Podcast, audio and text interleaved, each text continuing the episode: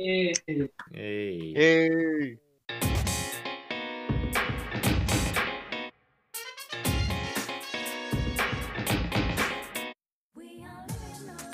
Ya, halo.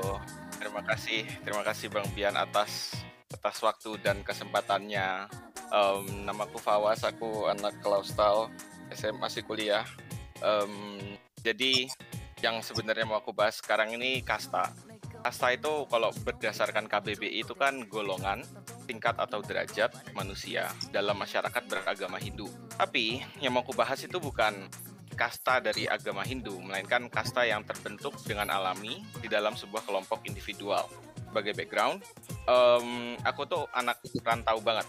Aku lahir di Cilegon, terus aku pindah ke Balikpapan, terus aku pindah ke Tuban, habis itu aku SMA di Kediri, habis itu les bahasa di Surabaya, terus ke Jerman, habis itu aku Jerman juga di Aachen, di Citau, sampai Klausthal. Eh, jadi yang yang jadi ini ini tuh bukan sesuatu yang aku lihat hanya di satu dua tempat saja, melainkan di berbagai lingkungan yang aku pernah tinggali. Nah, teori ini eh, aku sadar aku eh, apa come up with this teori ketika aku masih di SMA. Sistem kasta yang tak kasat mata ini terha- terdapat di hampir setiap lingkungan yang aku pernah amati. Contoh di kelas dulu pas masih sekolah atau mungkin di sebuah organisasi Eh, bisa jadi bahkan take it with a grain of salt bisa jadi di workplace juga aku nggak tahu karena aku belum pernah kerja Eh, sistem kasta ini memiliki empat kategori biasanya orang yang pendapatnya yang pertama itu biasanya orang yang pendapatnya paling didengar. Biasanya kayak leader atau orang-orang yang kaya personalitinya yang kedua biasanya orang-orang yang memiliki bakat atau material yang bisa ditawarkan ke lingkungan. Kayak misal orang berduit atau orang pintar dan sebagainya. Yang ketiga itu orang yang cuman yes yes no no, cuman ngikutin aja ke mana arusnya pergi. Terus yang terakhir itu orang-orang yang pendapatnya kebanyakan diacuhkan karena beberapa sifat atau their quality of life-nya berbeda jalur sama bisa dibilang mungkin kayak norma norma lingkungannya, norma circle-nya. Contoh tergampang itu orang-orang yang biasanya less attractive, which is very toxic, eh, atau orang-orang yang nerd di mata lingkungan tersebut. Jadi cuman pendek doang, cuman segitu doang yang aku pikirin. Terus eh, menurut kalian, apa kalian percaya terhadap keberadaan sistem ini? Kalau iya kenapa? Kalau tidak mengapa? Kalau menurutku um, not necessarily memang sudah ada ya, cuma kasta-kasta seperti ini menurutku aku terbentuk karena memang orang-orang beberapa orang yang punya sifat-sifat dan karakter-karakter yang sama memang bergaul dan mengetrack atau terattract sama sifat orang yang sifat-sifatnya juga sama gitu. Dan alhasil terlihat seperti seakan-akan ada kasta ini sih menurut aku gitu. Kalau Si menurutku ya, eh, kayaknya merupakan bisa dibilang normal sih, apalagi kalau dalam proses beradaptasi ya, kayak misalnya tadi kan kelas cerita dia berpindah-pindah gitu kan sekolah SD di mana, SMP di mana, SMA di mana, terus sekarang di Jerman, kayaknya ada kemungkinan di mana kayak orang kalau masuk ke sebuah lingkungan baru dan pasti dia mungkin dari kayak mulai pelan-pelan dari kasta yang nomor 4 dulu terus dua jadi tiga atau dua atau satu menurutku hal yang normal terjadi sih Tapi meskipun orangnya udah lama di sana bisa jadi di nomor 4 gitu. Jadi ini bukan sistem kayak leveling kalau yang bayangin. Menurut aku juga kasta yang lebih nomor nomornya itu nggak nggak nggak berurutan gitu sih. Cuma kayak tipe-tipe kumpulan orang yang berbeda aja sih. Maksudku juga nggak se dalam nggak- sih. maksudku dalam beradaptasi dalam artian kayak mungkin awalnya dia cuman kayak tadi kan kasta nomor tiga iya iya enggak enggak gitu. Karena mungkin dia ada perasaan sungkan gitu karena baru masuk ke dalam lingkungan yang baru. Tapi setelah dia mengenal lingkungannya gimana mungkin dia bisa kayak berubah dari kasta tiga menjadi kasta dua which is yang tadi keberadaannya diakui karena skill ya masalah yang kedua ya. Iya, iya, iya. Tapi kalau konteksnya untuk bukan orang yang baru beradaptasi tapi yang udah lama stay gitu ya kayaknya normal juga sih itu kayaknya kan salah satu salah satu apa ya kayak yang harus yang dilakukan sama orang-orang supaya dia at, at least eksistensinya diakui gitu kan kalau eksistensinya diakui kan berarti nanti kalau dia punya opini atau pendapat atau kritik bakal didengar.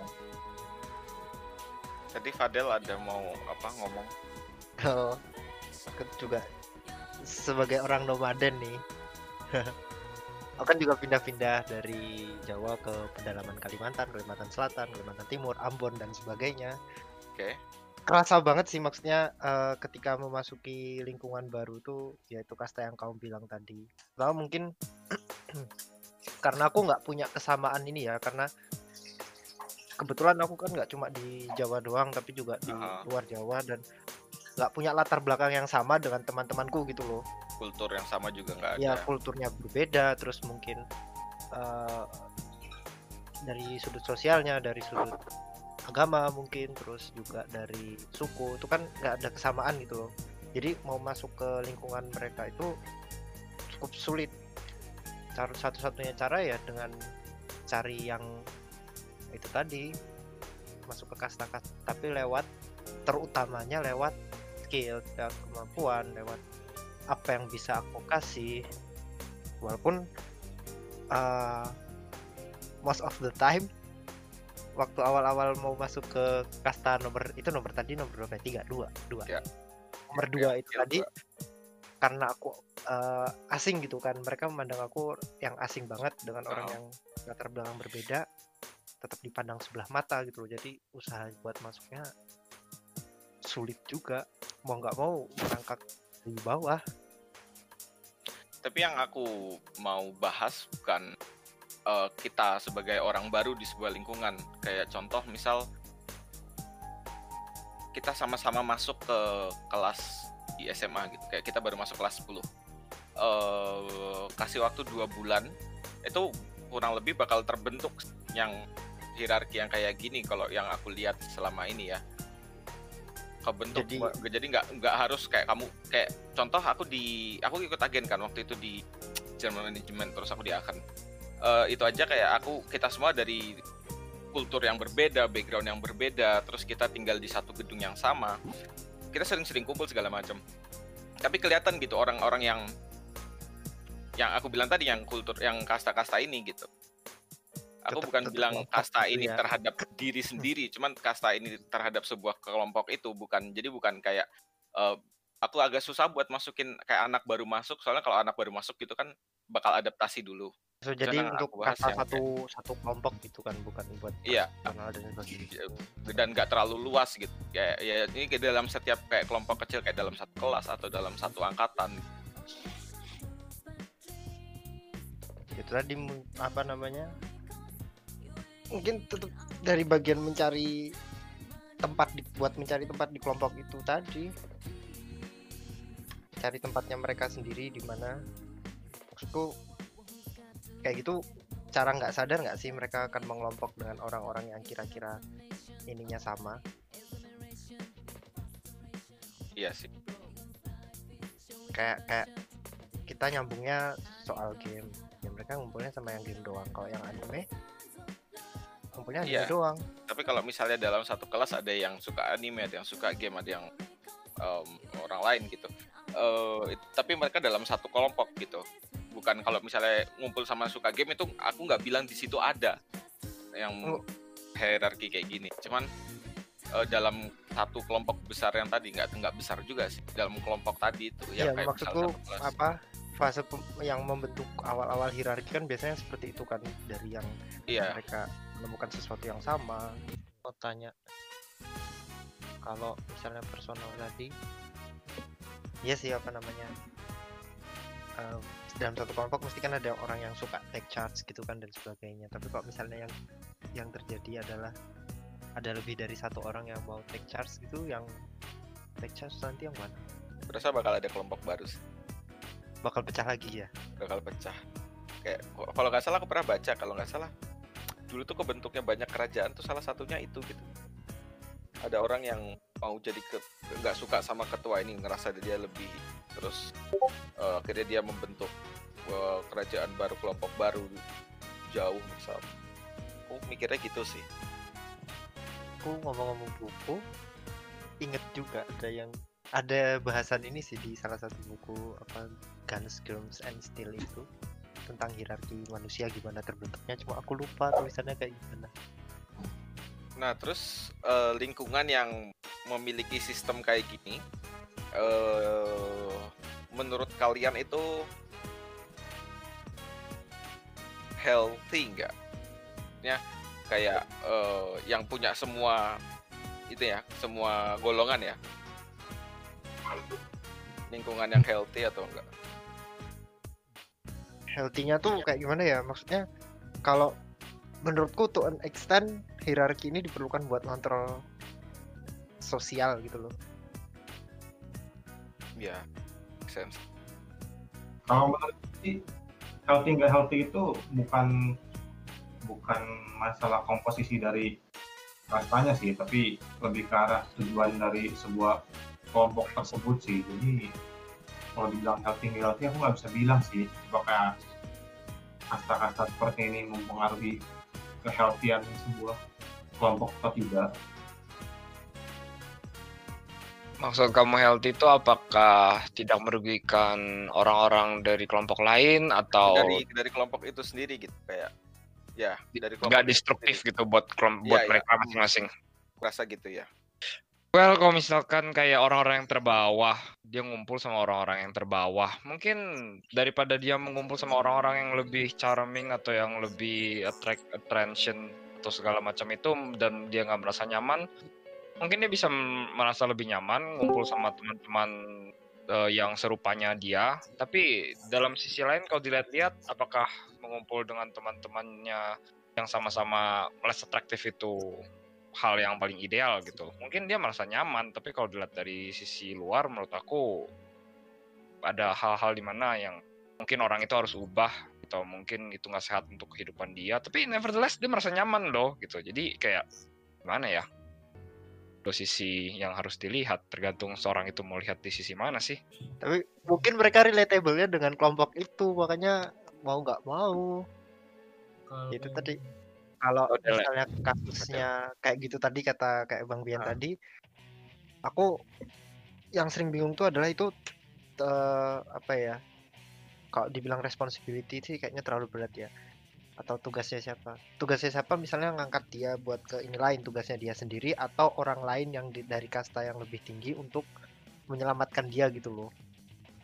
Atau dia yang harus berubah sendiri tapi kan kalau dia harus berubah sendiri nggak diterima sama aja dong tapi masalahnya kasta ini sendiri gitu. Em, misalnya kamu di dalam sebuah kelas aku sih ya aku pribadi kalau aku misalnya di dalam sebuah kelas aku nggak akan mengaku diriku berada di kasta di mana sih. Jadi aku nggak akan bilang "E, orang ini butuh bantuanku. Maksudnya butuh bantuanku untuk naik gitu. Karena aku sendiri nggak tahu siapa tahu aku juga di nomor 4 gitu. Kalau aku sendiri sih gitu ya aku aku nggak. Kalau soalnya aku nggak bisa dengan dengan apa subjektif atau objektif? Dengan objektif ya? Yang Objektif. tidak condong terhadap apa pun. Objektif ya ya. Nggak bisa dengan objektif menilai diriku untuk berada di yang di mana. Ya aku nggak tahu. mana pun. Makanya aku nggak tahu. Menurut kayaknya tiap orang bisa itu ya maksudnya kayak dalam sebuah individu itu bisa berada di kasta empat empatnya tergantung lingkungan dia berada deh. Contoh kayak misalnya ada pemain bola mungkin ketika dia di kelompok bola dia pasti bisa menjadi orang di, di nomor satu atau dua gitu. Tapi ketika dia gaul sama teman-temannya di kelompok komputer gitu IT yang mana mungkin dia lemah terhadap skillnya pasti otomatis dia nggak bakal ada di kasta nomor dua gitu jadi maksudku kayaknya tergantung situasi dan kondisi juga sih yang mempengaruhi sebuah individu itu berada dalam nomor satu, dua, tiga, atau empat tadi. iya betul juga sih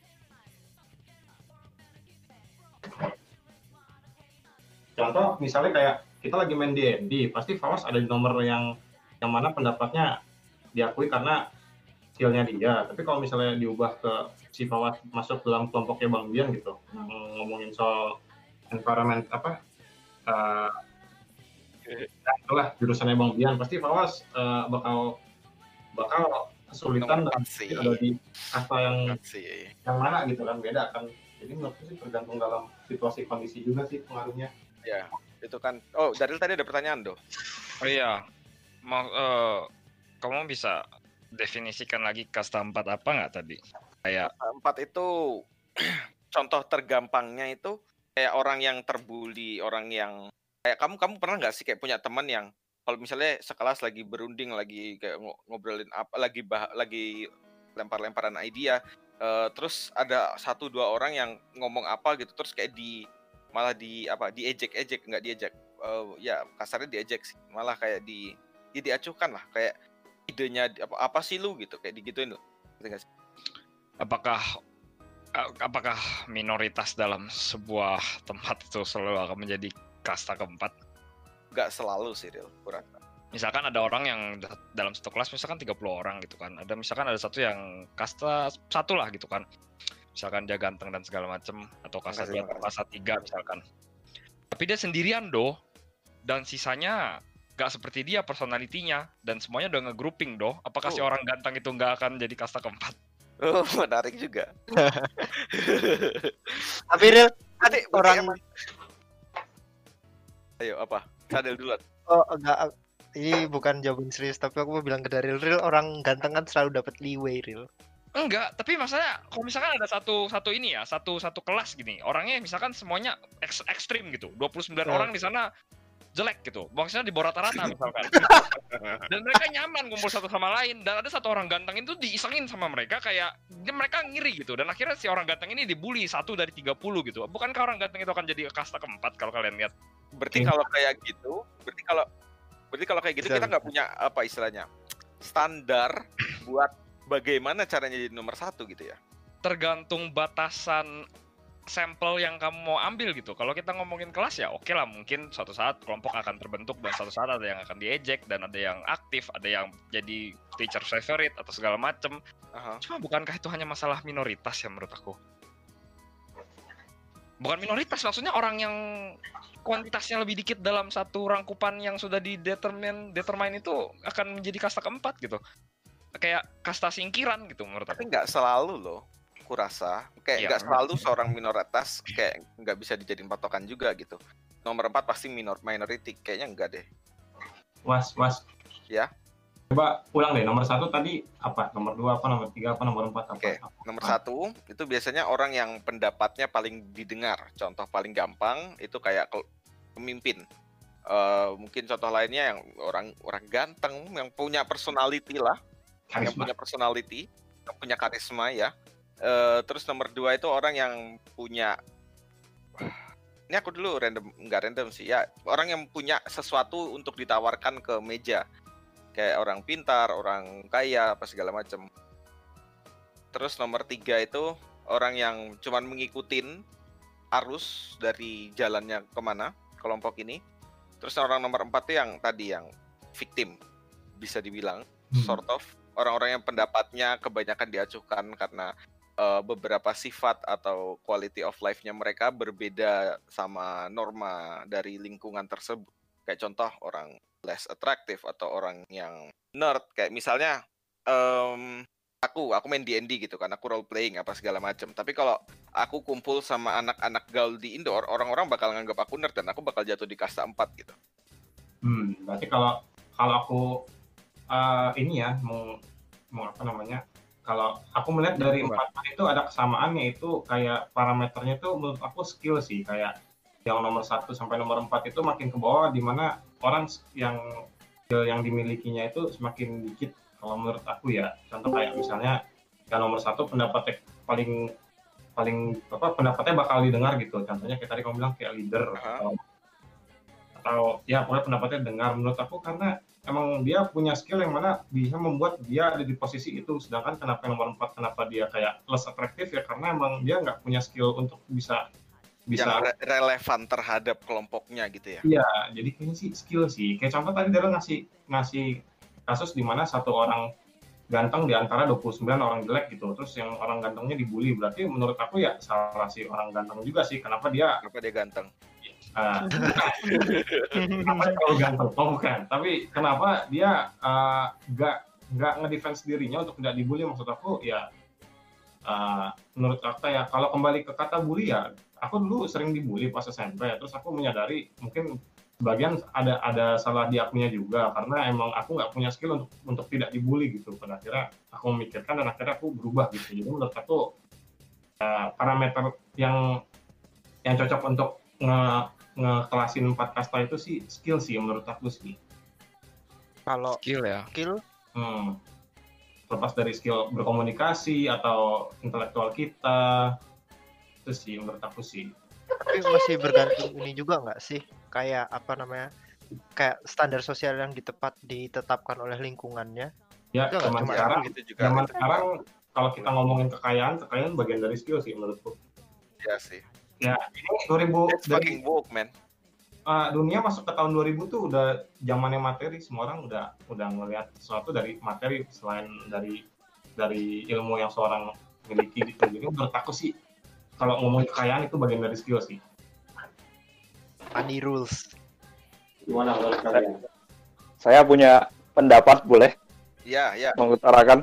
silakan Ya, saya gara-gara ini jadi tertarik eh, tentang ini. Saya tertarik untuk menawarkan bagaimana kalau misalnya kita reframe persoalannya terkait Oke. kasta ini. Karena saya juga mengalami kasus bullying dan eh, tempat ada di kasta-kasta ini ya di berbagai tingkatan gitu. Jadi setelah malang melintang, kemudian merenung gitu, eh, bagaimana kalau sebenarnya mungkin persoalan adalah persoalan eh, cara pandang kita terhadap society, terhadap eh, masyarakat. Karena begini, rupanya eh, ini setahu saya ya, ada berbagai macam model gitu untuk memandang eh, masyarakat. Misalnya yang paling eh, klasik ya karena kita sudah pakai kasta di masyarakat India zaman dulu misalnya ya. Jadi ada kaumnya Brahmana, ada kaumnya eh, pedagang, satria atau bangsawan, lalu ada yang gelandangan gitu. Bahkan ada yang tidak berkasta, jadi tidak masuk yang empat itu, dan jadi itu yang paling bawah. Itu satu cara untuk memandang peradaban. Lalu kalau kita em, lihat dari Marx, ajarannya Karl Marx, oh jadi Marxisme itu eh, ajarannya Karl Marx, satu satu pemikir ya, filsuf. Ajaran Marxisme itu menarik lagi. Jadi dia membagi dua masyarakat itu ada satu jadi kaum eh, bangsawan yang punya tanah, punya emas, lalu ada pemilik modal, pemilik eh, pabrik misalnya, dia punya pabrik, punya eh, toko, punya macam-macam. Pokoknya yang punya. Di satu sisi ada pemilik modal dan di sisi yang lain adalah kelas pekerja, yaitu orang-orang yang bekerja untuk pemilik modal, pegawai, buruh, eh, tukang ya dan sebagainya. Itu pandang lagi untuk memandang masyarakat. Lalu ada lagi misalnya yang sekarang eh, ngetren itu cita-cita humanis internasional atau humanisme modern itu adalah manusia yang sama derajatnya dalam hal hak asasi. Jadi siapa pun itu model gimana? siapa pun itu gitu sama semua Siapa pun itu asumsinya adalah ya punya hak asasi manusia yang sama. Ini pemikiran internasional yang kemudian eh, terutama di Eropa itu yang jadi forefrontnya sekarang yang sedang diperjuangkan. Ekspresinya ada demokrasi, ada eh, ide-ide tentang eh, general basic income dan lain sebagainya. Jadi kita berhadapan dengan cara memandang dunia gitu. Jadi untuk jadi kemudian saya jadi tertarik karena diskusi ini. Bagaimana kalau ini kasta-kasta ini adalah persoalan frame kita terhadap dunia gitu. Bisa jadi fenomenanya ada. Jadi ada yang menindas yang ditindas. Itu kita lihat sehari-hari, bentuknya macam-macam. Di Indonesia contohnya ya ada orang yang kaya sekali, punya punya kekuatan politik bahkan, tapi di sisi yang lain ada kaum gelandangan.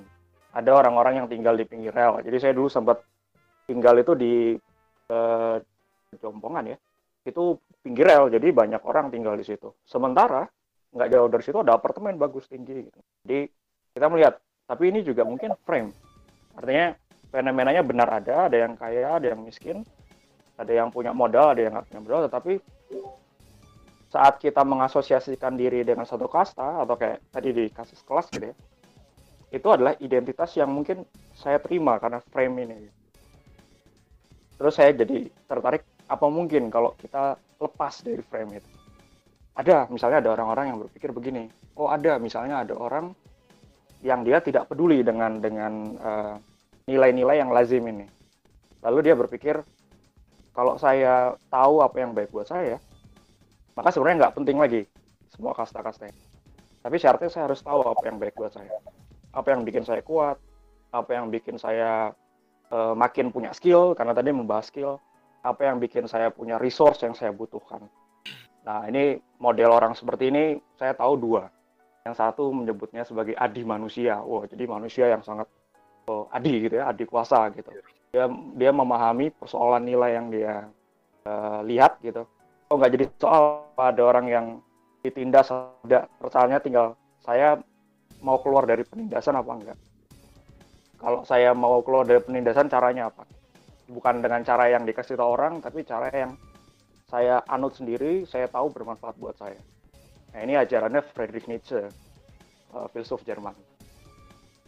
Nietzsche ya, itu konsep adi manusia. Jadi manusia yang tidak peduli lagi dia dengan dengan apa semua persoalan frame dunia, tetapi dia menentukan nilainya sendiri gitu. Ini yang baik buat saya, ini yang saya butuhin. Ya terserah deh yang yang lain-lain. Berarti dia bergerak sendiri. Dia bergerak sendiri ya. Jadi dia benar-benar menolak uh, pembagian kasta yang buat dia tidak ada manfaatnya menurut nilai yang sudah dia analisis sendiri. Ada model yang lain, saudara jauhnya Nietzsche, tidak berhubungan, tapi ada di zaman yang sama. Ajarannya itu uh, self-reliance. Jadi dia seorang manusia yang sadar posisinya terhadap nature, dan sadar bahwa di dalam dirinya itu ada yang namanya oversoul, sang maha jiwa gitu ya.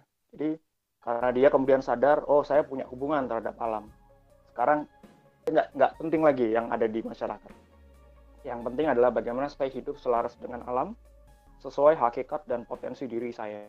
Apa potensi tertinggi manusia atau diri saya ini? Oversoul sang maha jiwa. Kemudian dia berusaha untuk menempa di untuk diri untuk kuat menjadi uh, manusia yang terbaik menurut idenya tentang oversoul. Ini ajarannya Ralph Waldo Emerson itu filsuf Amerika Serikat. Nah, jadi yang menarik uh, dari dua filsuf abad 19 ini adalah pertama dia keluar gitu dari dari kasta atau model dunia yang ada di sekeliling mereka. Dan dengan istilahnya dengan kepalan tangan sendiri dengan kaki sendiri itu berusaha buat menapak oke okay, ini jalan yang mau saya tuju. Dan di pandangan dua filsuf ini tidak penting. Satu karena mereka terus berusaha untuk mendobrak atau menentukan jalannya sendiri. Jadi ada pertimbangan nilai. Yang baik buat saya apa yang bikin saya saya bikin saya bahagia. Sementara saya ini bagi mereka nggak jadi penting. Tapi ada konsekuensinya. Baik Emerson maupun Nietzsche itu dipandang orang sezamannya ya aneh. Konsekuensinya itu. Tapi itu harga yang buat mereka harus dibayar seseorang kalau dia mau mencapai potensi terbesarnya sebagai manusia. Nah itu saya tiba-tiba tercetus itu. Tapi apa dunia bisa maju kalau semua manusia menganut uh, ide itu? Yang menarik yang ditawarkan by Emerson adalah keberadaannya uh, satu nilai yang luhur ya. Kalau dalam konsepsinya Emerson dia bilang sebagai oversoul. Oversoul dan nature. Jadi nature itu ya semesta oversoul itu yang maha jiwa. Itu dianggapnya adalah sesuatu yang yang maha tinggi jadi asumsinya itulah sumber nilai manusia. Jadi kalau manusia dan ini di share atau di, bisa diakses dan dimiliki oleh semua orang menurut menurut Emerson. Selama manusia melihat dan memurnikan dirinya gitu. Hati nuraninya gitu. Jadi menurut Emerson ya kalau manusia tentu saja mengikuti kemurnian manusia, dia akan memajukan dunia karena itu selaras dengan di sisi yang lain Nietzsche juga mirip gitu ya. kalau manusia menentukan hidupnya nilainya, tapi dengan catatan yang adi manusia gitu. Dalam bahasa Jermannya Ubermensch. Uber itu kan melampaui ya.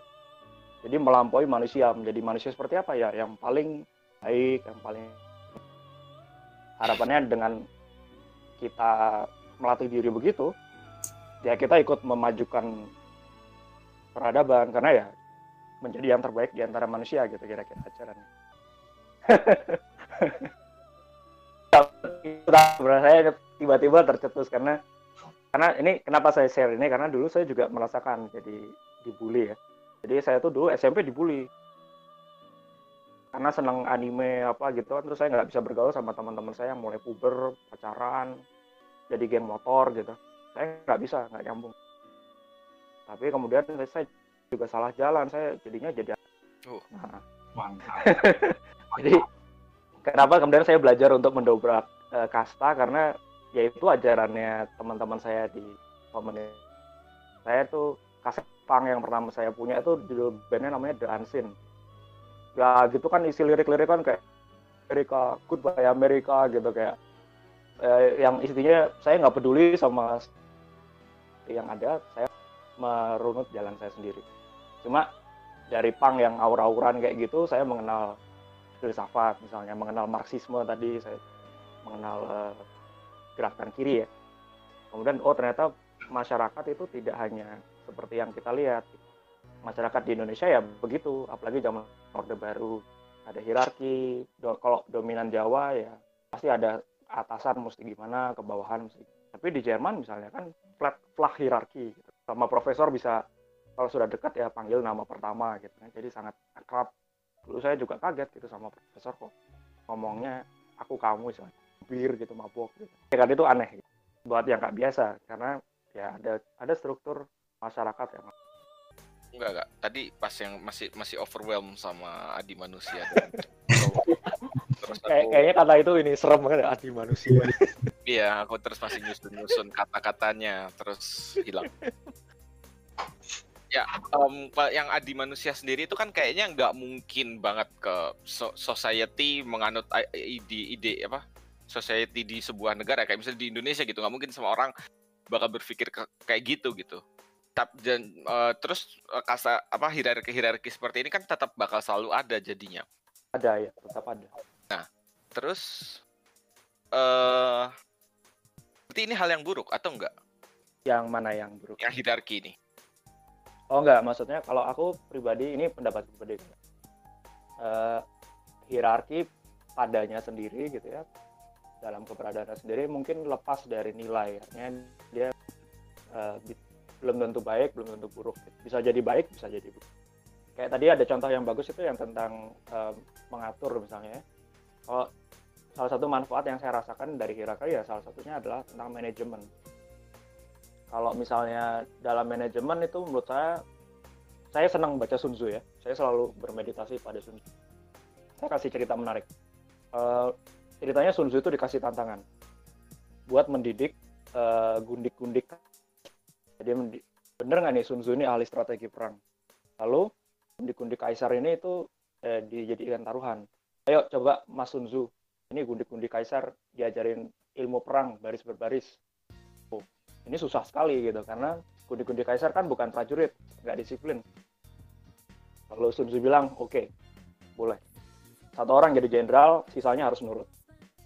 Terus oke aturannya gini. Caranya baris baris simbol aba-abanya gini prajuritnya harus nurut. Percobaan pertama salah. Eh, kenapa kok salah? Iya kita nggak ngerti aba-abanya. Terus Sun Tzu bilang kalau prajurit nggak ngerti aba-abanya cek dulu jenderalnya. Jenderalnya ngasih ajarannya benar apa enggak aba-abanya benar apa enggak nah ayo lagi latihan. Masih salah lagi. Eh, Pak Jenderal udah diajarin aba-abanya yang benar apa belum ke anak buahnya? Udah. Terus udah dilatih dengan rajin apa belum? Udah. Terus Sun Tzu bilang kalau misalnya aba-abanya udah benar metode latihannya udah benar berarti anak buahnya nggak nurut. Yang salah anak buahnya. Terus itu Sun Tzu manggil Algojo oke sekarang tunjuk mana yang paling ngaco eh, prajuritnya. Oh gundik ini gundik ini gundik ini. Ya udah tiga orang itu penggal kepalanya. Dan sejak pemenggalan itu gundik-gundik kaisar bisa baris berbaris dengan rapi. Jadi ini contoh ekstrim tentang pentingnya hierarki dan ketaatan terhadap hierarki kalau mau membuat keteraturan dalam satu kelompok. Jadi memang dibutuhkan. Jadi dalam hal ini lagi-lagi tergantung nilai ya. Kalau tadi kan tujuannya misalnya mau pergi perang ya ya prajuritnya harus hierarkis dan harus nurut. Kalau misalnya semua ngomong kayak di parlemen eh, atau di kayak di forum demokrasi di medan perang loh. Habis waktu buat debat kita dibantai contohnya. Makanya kalau di militer kita dihilangkan eh, ego ego ego seperti itu dihilangkan. Kalau di militer ya saya dulu ikut pramuka ya orang harus nurut sama hierarki. Disuruh tiarap ya kalau ya jenderalnya bilang tiarap ya saya harus tiarap. Terlepas saya suka apa nggak suka setuju nggak setuju. kalau kalau itu kan emang nyata atasanmu Ya. dan bawahanku gitu.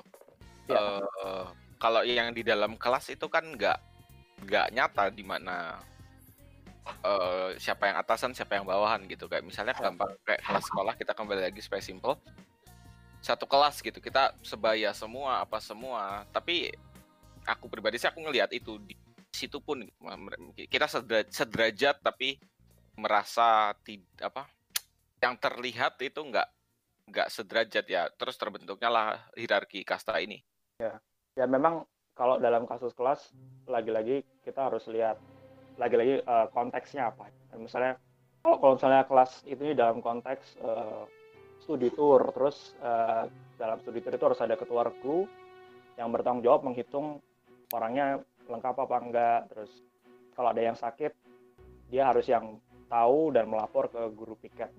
Ini hierarki menjadi penting dan itu jadi nyata gitu jadi clear. Tapi kalau misalnya kita bicara hierarki dalam konteks kelas-kelas masyarakat lagi-lagi ini mungkin ya tadi pertanyaan saya apakah ini mungkin masalah framing gitu? Misalnya kalau kalau misalnya kita berpikir oh ya saya nggak bisa bergaul dengan eh, geng orang ganteng misalnya tadi kan saya geng orang ganteng kan jadi musuh bersama gitu ikemen gitu. Eh, ikemen ini geng ganteng ini oh, kayaknya nggak mau bergaul dengan saya. Nah ini kita bisa gunakan taktiknya adi manusia tadi apakah itu memang yang saya inginkan? Gitu. apa saya mau bergaul dengan mereka apa itu bermanfaat? Kalau misalnya saya jadi tadi juga ada tentang skill ya itu juga sebenarnya bagian dari konsep ini gitu. Ya kalau skill itu bermanfaat saya saya nggak pinter ngomong. Saya emang pengen pinter ngomong. Kalau itu bermanfaat buat saya ya pengen. Oh ya sudah saya harus belajar. Jadi ada faktor ada faktor yang ada dalam kekuasaan seseorang. Dan ada faktor yang di luar kekuasaan seseorang. Menurut saya kebijaksanaannya adalah mengenali apa yang ada di dalam kekuasaan seseorang dan mengerjakan yang bisa dikerjakan dalam hal itu. Jadi lebih memang lebih kompleks kalau dalam contoh tadi itu. Kayak kalau semuanya sama terus apakah hierarki ini baik atau buruk ya lagi-lagi tergantung nilai. Tidak hanya karakter tapi juga nilai buat saya. Ya, kalau saya? Aku mau komentar kalau Bung Hmm? masih silakan silakan. Nggak, nggak, udah udah silakan Eh, Bung ya. Jadi em, teoriku sih. Jadi tadi kan kasusnya adalah sebuah eh, lingkung lingkungan sejumlah orang yang punya katakanlah nggak harus juang untuk tahan hidup. eh, hanya kebetulan ada di sebuah ruangan yang sama gitu terus-terusan gitu lingkungan setiap ruang kelas tadi. Iya ya pikir mungkin sesuatu tentang uh, memimpin dan dipimpin itu sudah kayak menjadi integral bagian dari kita sebagai manusia gitu barangkali. Karena evolusi kita kan sebagai um, Homo sapiens yang individualnya mungkin jauh lebih lemah dibandingkan binatang-binatang yang lain kita harus ngegroup untuk bisa survive gitu insting untuk ngegroup insting uh, ada bukan hierarki ya barangkali ada yang mengarahkan atau yang memimpin dalam grup itu bentuk sejak awal bahwa itu diperlukan untuk kita supaya bisa survive gitu. Mana contoh Bung juga tadi soal uh, gundik-gundik itu itu muncul karena uh, ada kepentingan harus survive. Barangkali sebagai remaja merasa um, dalam masa puber mereka merasa terancam dengan dunia yang begitu jam. Keinginan untuk cenderungan atau atau atau atau insting survivalnya muncul juga dengan grup ngegrup ini yang terus akhirnya secara nggak sadar lama kelamaan muncul seseorang yang punya power atau pengaruh kemudian orang-orang yang punya resource atau yang tadi punya duit ini kan power um, istilahnya leading terus resource terus follower. Ini kan uh, sebuah society dibilang sesuatu yang ada di mana-mana ya. Termasuk juga yang di luar ketiga ini yang keempat tadi yang adalah outcast yang kalau zaman dulu ya outcast itu berarti mati gitu karena bisa bertahan hidup sendirian. Gitu. aku ini aja sih menga- mengaitkan ke barangkali ada sesuatu di dalam diri kita yang yang buat kita ingin memimpin atau ingin dipimpin secara nggak sadar. Ya itu saya setuju. Eh, mungkin saya juga bisa kaitkan ada pendapat dari Arnold Toynbee. ya. Arnold Toynbee itu ahli sejarah. Itu saya suka sekali. Dia mengatakan ya peradaban itu terbentuknya dari challenge and response. Jadi apa yang membuat satu peradaban unik, satu tataran masyarakat unik adalah tipe tantangannya apa yang dihadapi dan bagaimana mereka me- merespon sebagai bentuk solusi. Jadi saya juga setuju kalau memang ya ada kasta-kasta ini terbentuk karena kita punya keinginan untuk selamat. Karena kalau berkelompok ya chance untuk survival atau merasa aman minimum kan. Oh saya ganteng nih gitu, nggak merasa aman kalau sama yang jelek. Iya. Jadi saya insecure gitu kalau nggak sama yang ganteng-ganteng. Tapi lucunya kan gitu kan, biasanya yang cantik-cantik maunya Iya. sama yang cantik-cantik. gitu. Iya sih, Oh. iya betul juga sih. Karena mereka mungkin ini kayak kalau cantik, cewek cantik gitu kan nanti pasti digodain tuh kan, risih gitu kan. Oh masa aku digodain sendirian? Kalau rame-rame kan orang, wah mau cantik sih, pengen godain sih, tapi kan jiper juga kalau 10 gitu saya sendirian kan. Masa cewek, cewek gitu kan. Bisa di- bisa dibully orang, cewek-cewek gitu kan. Nah, Bisa jadi jadi challenge and response gitu itu ya itu mekanisme yang saya setujui eh, terjadi Tapi ada ada juga nggak sih yang kayak misalnya cantik ngumpulnya sama yang nggak terlalu cantik supaya dia terlihat lebih cantik? Oh, ya, aja. itu juga challenge and response. Tahu masalah dia apa. Ego. berarti dia punya masalah kepercayaan diri. Selalu harus Oh. punya apa? Juga. harus punya pengakuan gitu dari orang. Atau narsis. Nah narsis juga kadang-kadang kan karena dia terus harus diyakinkan. Kamu cantik. Oh iya aku emang cantik gitu. Oh enggak. Tapi ngomong ah enggak. Gitu. Tapi dalam hatinya kan ah iya aku cantik. Aku cantik banyak ya bahkan gitu kan. gimana? Sorry. Oh enggak. Eh, cuma ini aja apa namanya? Banyak ternyata sudut pandangnya mau dari sejarah mau dari sudut pandang filosofi dan sebagainya. Aku berkeringat, I'm sweating as hell. lah kenapa kok keringetan panas emang di sana. Sini Ya. dingin tuh Mental saya panas. seru seru seru aku oh enggak. Aku mau ngomong ke Fawas. Ya. keren loh Mas ngangkat masalah yang way older than than our civilization kayak gini. Iya loh kan untuk hierarki seumuran ya panjang sebelum Seumuran sejarah. manusia itu sendiri ya. sumber manusia ya malah lebih tua kan.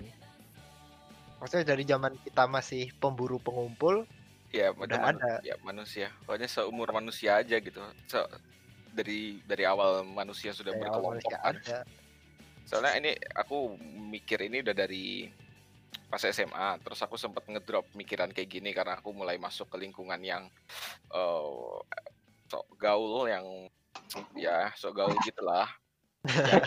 yang mikirin cewek apa segala macam kan. Nah, terus aku ketemu orang-orang yang pemikiran kritis juga di Klausel. Alhamdulillah aku masuk. Eh, terus akhirnya kembali lagi pemikiran itu. Dulu karena kan aku pindah-pindah terus aku harus kayak adaptasi gitu kan. Caranya adaptasi gimana? Kayak aku harus memperhatikan kayak norma-norma yang berlaku di kelas ini di lingkungan ini. Kayak aku harus kayak gimana? Terus oh aku nggak mau kayak dia nih dia diajakin. Ya udah berarti aku harus kayak gini. Nah, terus lambat laun lambat laun. Aku mulai paham. Terus akhirnya kepikiran di hal ini. Kas aku mau tanya sepertinya banyak yang kayak begitu ya di antara orang-orang yang ada di sini. apa punya waktu sekolah. Karena aku juga begitu. apanya yang Dia- banyak di antara kita yang ada di ruangan ini sekarang, Aha. di pintas ada dua tiga orang yang mengatakan hal yang sama kalau dulu berpindah-pindah dan terbuli. Terbuli sih Emang ini SMP nggak ya. kebetulan, Bung, kita berkumpul, Bung. Destiny. Kamu pikir Karena ini ada sesuatu kebetulan? yang relatable ini. Ini kamu kaum terbuli yang belajar speak up, oh enggak? Oh. Aku setuju. Kalau kalau- aku ya, dalam kasusku ya. Aku mau tanya dong. Ya? Tadi kan Siapa? ya ke siapa aja lah. Oh, Dan oke. kan aku ang- anggapnya kan kayak gini, kayak eh, nilai-nilai terus habis itu sosial itu membentuk hierarki itu kan. Aha. Tapi bisa nggak sih case-nya dibalik? Jadi hierarki itu yang membentuk sosial kehidupan sosial dan politiknya manusia itu. Kalau aku mikir sih pribadi, kurasa nggak hampir nggak mungkin karena terbentuknya hierarki sendiri itu difondasikan dari norma-norma itu kayak misalnya kamu ke kelompok wibu kayak eh, satu orga, se- sekelompok wibu gitu ya. Eh, tapi kamu kayak wibu awam meskipun kamu personalitinya tinggi gitu kayak kamu orang yang kaya akan personality kamu nggak akan jadi nomor satu di sana gitu karena mungkin bisa jadi sih. Cuman bisa kayak ya orang-orang tetap bakal look down ke kamu gitu. Kurasa sih. Atau enggak kamu ke kelompok yang biasa tapi kamu kayak wibu itu kan di mata Indonesia kan kayak eh gitu gak sih? Ya iya nggak sih? Sih, ya cuman itu itu kenyataannya gitu. Kayak ah, wibu lu wibu. Ya meskipun sesama wibu suka ngejek gitu cuman eh itu yang terjadi gitu nah terus kurasa kayak agak susah juga kalau kalau eh, hierarki yang membentuk norma kalau dari, dari yang kulihat ya bukan bukan normanya sih. Kalau norma kan kayak yang buat mendasari tapi lebih Iya. ke kehidupan sosialnya gitu. Kalau mungkin nggak kalau hierarkinya misalnya orang yang paling eh, sering didengar pemimpinnya gitu Aha. berbeda antara dianya bersifat otoriter gitu dia yang kayak kamu begini kamu begini kamu harus ikut dengan dia yang kayak mana aturannya gimana jadi kayak demokratis gitu sebagai pemimpin itu kan secara nggak langsung society-nya juga akan berbeda Iya sih. Berarti tergantung komponen dari hierarki itu bukan dalam bukan sistemnya ya. kira begitu Ya itu menurut saya juga ada. Kalau tadi kan juga sempat dibahas tentang karakter ya. Eh, salah satu model karakter yang paling terkenal tuh namanya Myers-Briggs yang saya ingat. Itu aja kita bisa menilai satu kemampuan satu komponen hierarki atau manajerial dengan menganalisis karakter berdasarkan model Myers-Briggs ini. Misalnya ada extrovert versus introvert, ada sensing versus judging, ada dan lain sebagainya saya nggak nggak hafal semuanya tapi dulu waktu eh, di psikologi manajemen itu model ini tuh digunakan untuk mengetahui kira-kira dengan struktur hierarki satu organisasi yang ada dikombinasikan dengan karakter model karakter dari orang-orang yang bertanggung jawab di hierarki tersebut nanti hasilnya organisasi itu kayak apa? Apa amburadul apa nanti ada pemimpin yang otoriter atau ada pemimpin yang kelewat liberal sampai-sampai dia nggak nggak bisa mimpin gitu?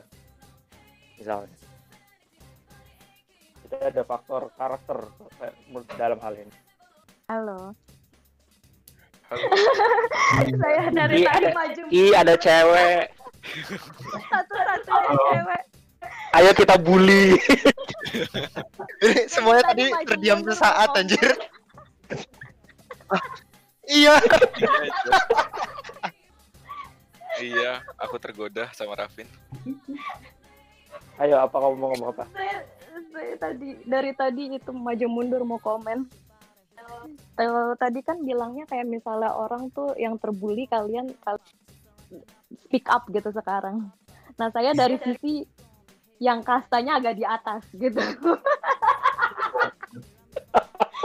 tunggu tunggu jangan jangan judge saya sebagai ini ya narsis atau segala macam karena saya menganggap teman-teman saya yang ada di sekitar saya itu emang cantik-cantik gitu.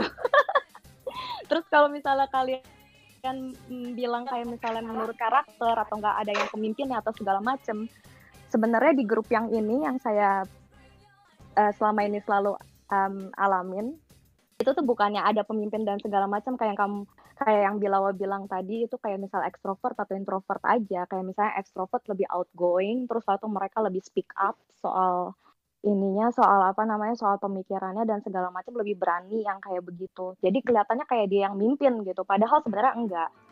Dan juga grup ini nih, grup yang yang sebenarnya ada di atas, mereka tuh bukannya kelihatan lebih superior, tapi mereka itu sebenarnya cuma kayak punya satu ya tadi dibilang skill kayak misalnya uang koneksi dan segala macam tapi sebenarnya mereka itu tuh kayak nggak nggak nggak semuanya punya kemampuan leadership sebenarnya mereka lebih kayak misalnya self centered kayak begitu loh. Hmm. makanya saya sendiri juga setelah udah ngalamin em, kelompok per kelompok gitu sampai akhirnya saya memutuskan oh ya saya nggak cocok di kelompok yang kayak begini.